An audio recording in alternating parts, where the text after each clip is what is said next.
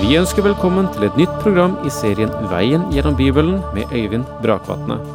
Denne studieserien er produsert av P7 Kristen Riksradio og bygger på serien Through the Bible av Vernon McGee. I dag fortsetter vi med Peters andre brev.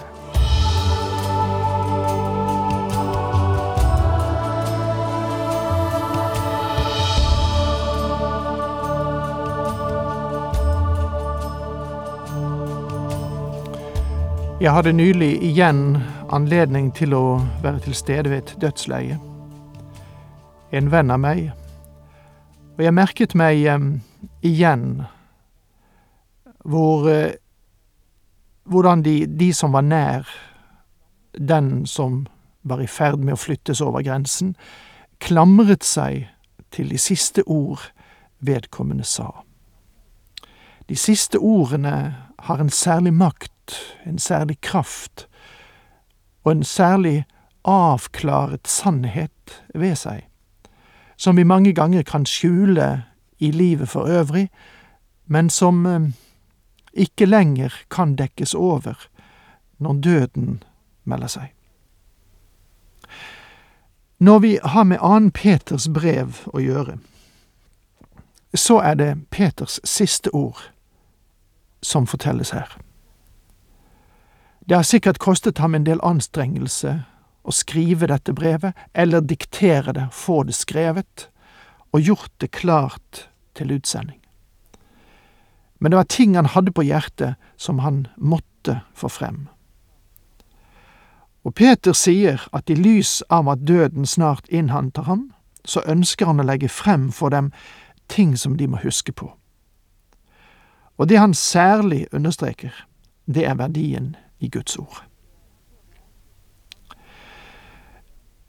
Sist, eh, før vi avsluttet, anvendte jeg et par eh, vanskelige ord som vi eh, skal ta igjen her. Behøver ikke huske ordene for så vidt, annet enn det de står for, som er det vesentlige. For i det vi nå skal møte i resten av Peters brev, finnes det en del som kan være litt vanskelig å forstå. Men se det slik at det finnes to krefter i verden. Den ene er en sentrifugal kraft, og den andre er en sentripetal kraft. Du møtte sikkert disse ordene i skolen, og mange av oss møter dem og har møtt dem i livet eh, senere også, men det er ikke noe vi anvender vanligvis. Men en sentrifugalkraft driver utover fra sentrum. Om du knytter en gjenstand til en taustump og svinger den rundt deg over hodet, så vil gjenstanden dra i tråden og forsøke å komme seg bort fra deg. Og da ligger det i det andre ordet sentripetalkraft at det er det motsatte. Den kraften går mot senter, eller mot en akse. Og Peter tar for seg disse to motstridende kreftene i forholdet til Guds ord. Der finnes en sentrifugalkraft som trekker utover fra den verden som du og jeg lever i i dag, og der er en sentripetalkraft som driver oss inn i verden og bort fra Guds ord. Min venn, sentrifugalkraften er Guds ord. Det er den eneste som kan dra oss bort fra verdenssystemet. Og jeg har brev fra en alkoholiker som forteller hvordan Guds ord dro ham bort fra flasken og fra et liv i nedverdigelse, og trakk ham mot Gud. Det finnes en veldig kraft i Guds ord til å dra oss ut av det som binder og henger fast ved oss. Peter har allerede fortalt oss at vi skal gjøre vårt kall og vår utvelgelse mer fast og han vil at vi skal være klar over at vi har en autoritet som vi kan stole på. Og noen vil stille spørsmålet hvordan vet du at Bibelen virkelig er Guds ord? Hør nå på Peters svar, og nå går vi inn igjen i 2. Peters brev, kapittel 1 og vers 16. Det var jo ikke oppdiktede sagn vi holdt oss til da vi kunngjorde for dere vår Herre Jesu Kristi kraft og Hans komme. Nei, vi var øyenvitner og så Hans guddommelige storhet. Og dette er noe som det er viktig for oss å se. Det var jo ikke oppdiktede sagn vi holdt oss til. Bibelen er ingen samling løgner. Bibelen er heller ingen eventyrbok. Bibelen er ikke en myte. Bibelen er historisk og full av fakta. Om vi vil være redelige og ønsker å oppgi våre synder, så vil Gud gjøre dette virkelig, levende, for deg. Om der er et slør over dine øyne, så er ikke det fordi du er mentalt blind. Det skyldes at du ikke vil oppgi din synd. Når du er villig til å gjøre det, og overgi deg til Gud, vil Gud gjøre Bibelen levende for deg. Vi var øyenvitner og så Hans guddommelige storhet. Dette kan vel virke litt forvirrende på noen hver. Når så Simon Peter Jesu kraft å komme? Ja, han forklarer det selv når han henviser til Jesu Kristi forvandling.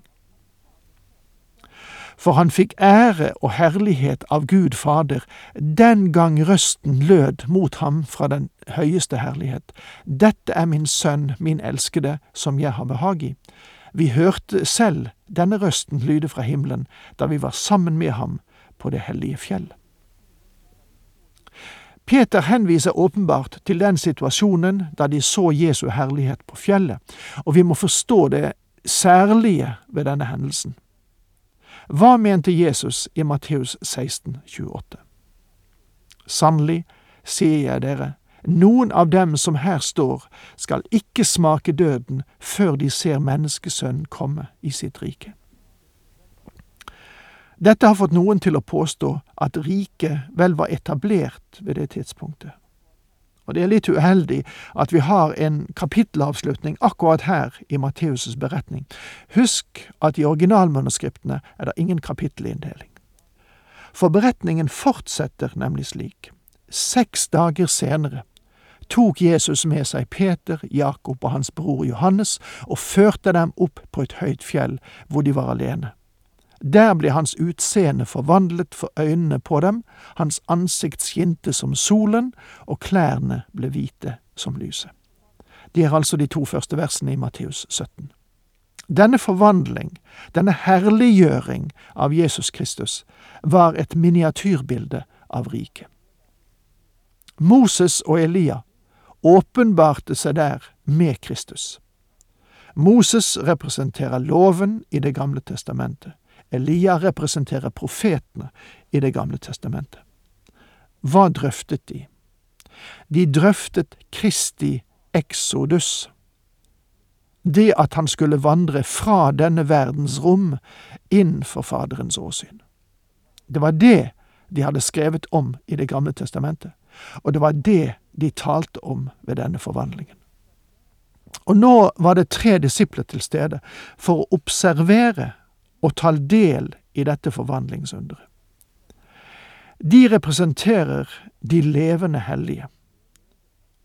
Moses og Elia representerer de døde hellige i Det gamle testamentet.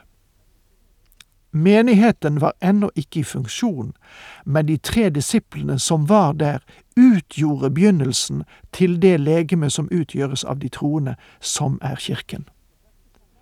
De ville være apostlene. Så dette forvandlingens under gir oss et lite bilde av riket. Umiddelbart etter denne hendelsen kom Jesus Kristus og disiplene ned fra fjellet, og der møtte de mannen med den onde ånd. De andre disiplene kunne ikke gjøre noe for å hjelpe gutten, og de tilskuerne som var møtt opp, de snakker hånlig og latterliggjorde disiplene. Det kan kanskje forstås som et bilde på nåtiden. Riket er fremdeles under fremdrift. Jesus Kristus er ved Guds høyre hånd, og alle de gamle og nytestamentlige hellige som er gått foran, er med ham. Men her nede på jorden lever vi i en demonisert verden. Om vi er i tvil om det, så burde det være tilstrekkelig for oss å følge med i trykte og elektroniske medier. Verden er i et fryktelig rot.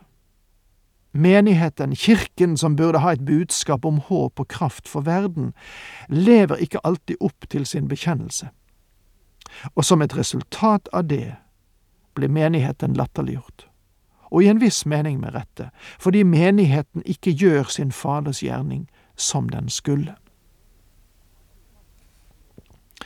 Nå har Simon Peter sagt at han var sammen med den Herre Jesus på forvandlingens fjell.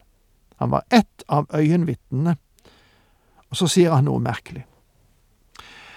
Derfor står også profetordet desto fastere for oss.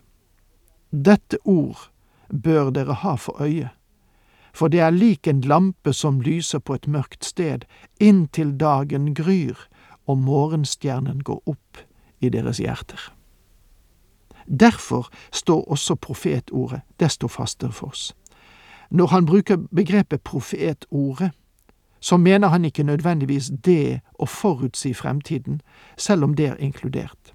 Han mener hele Guds ord, fordi han taler om Skriftene som Guds tale. Og profetene, som han vil understreke i det neste verset, var mer enn roboter som tok diktat fra Gud. Det var heller slik at de uttrykte sine egne følelser og tanker, og likevel var Gud i stand til å overføre sin fullstendige vilje og sitt ord gjennom de menn som skrev Skriftene. Og Det er dette som gjør dette til en forunderlig bok. Du forstår at Guds ord er ikke bare guddom, den har også en menneskeside. Det er på samme måte som den Herre Jesus, som var både Gud og menneske. Bibelen er en Guds bok og en menneskebok. Den er opptatt av menneskelivet her nede, der du og jeg lever og beveger oss og er til. Og likevel er det Gud som taler til mennesket i et språk som mennesket kan forstå. Og det er denne spennende boken, denne fenomenale boken, som vi er opptatt av i disse programmene. Og der tror jeg vi må slutte for i dag, for tiden nærmer seg slutt. Takk for nå, Herren med deg.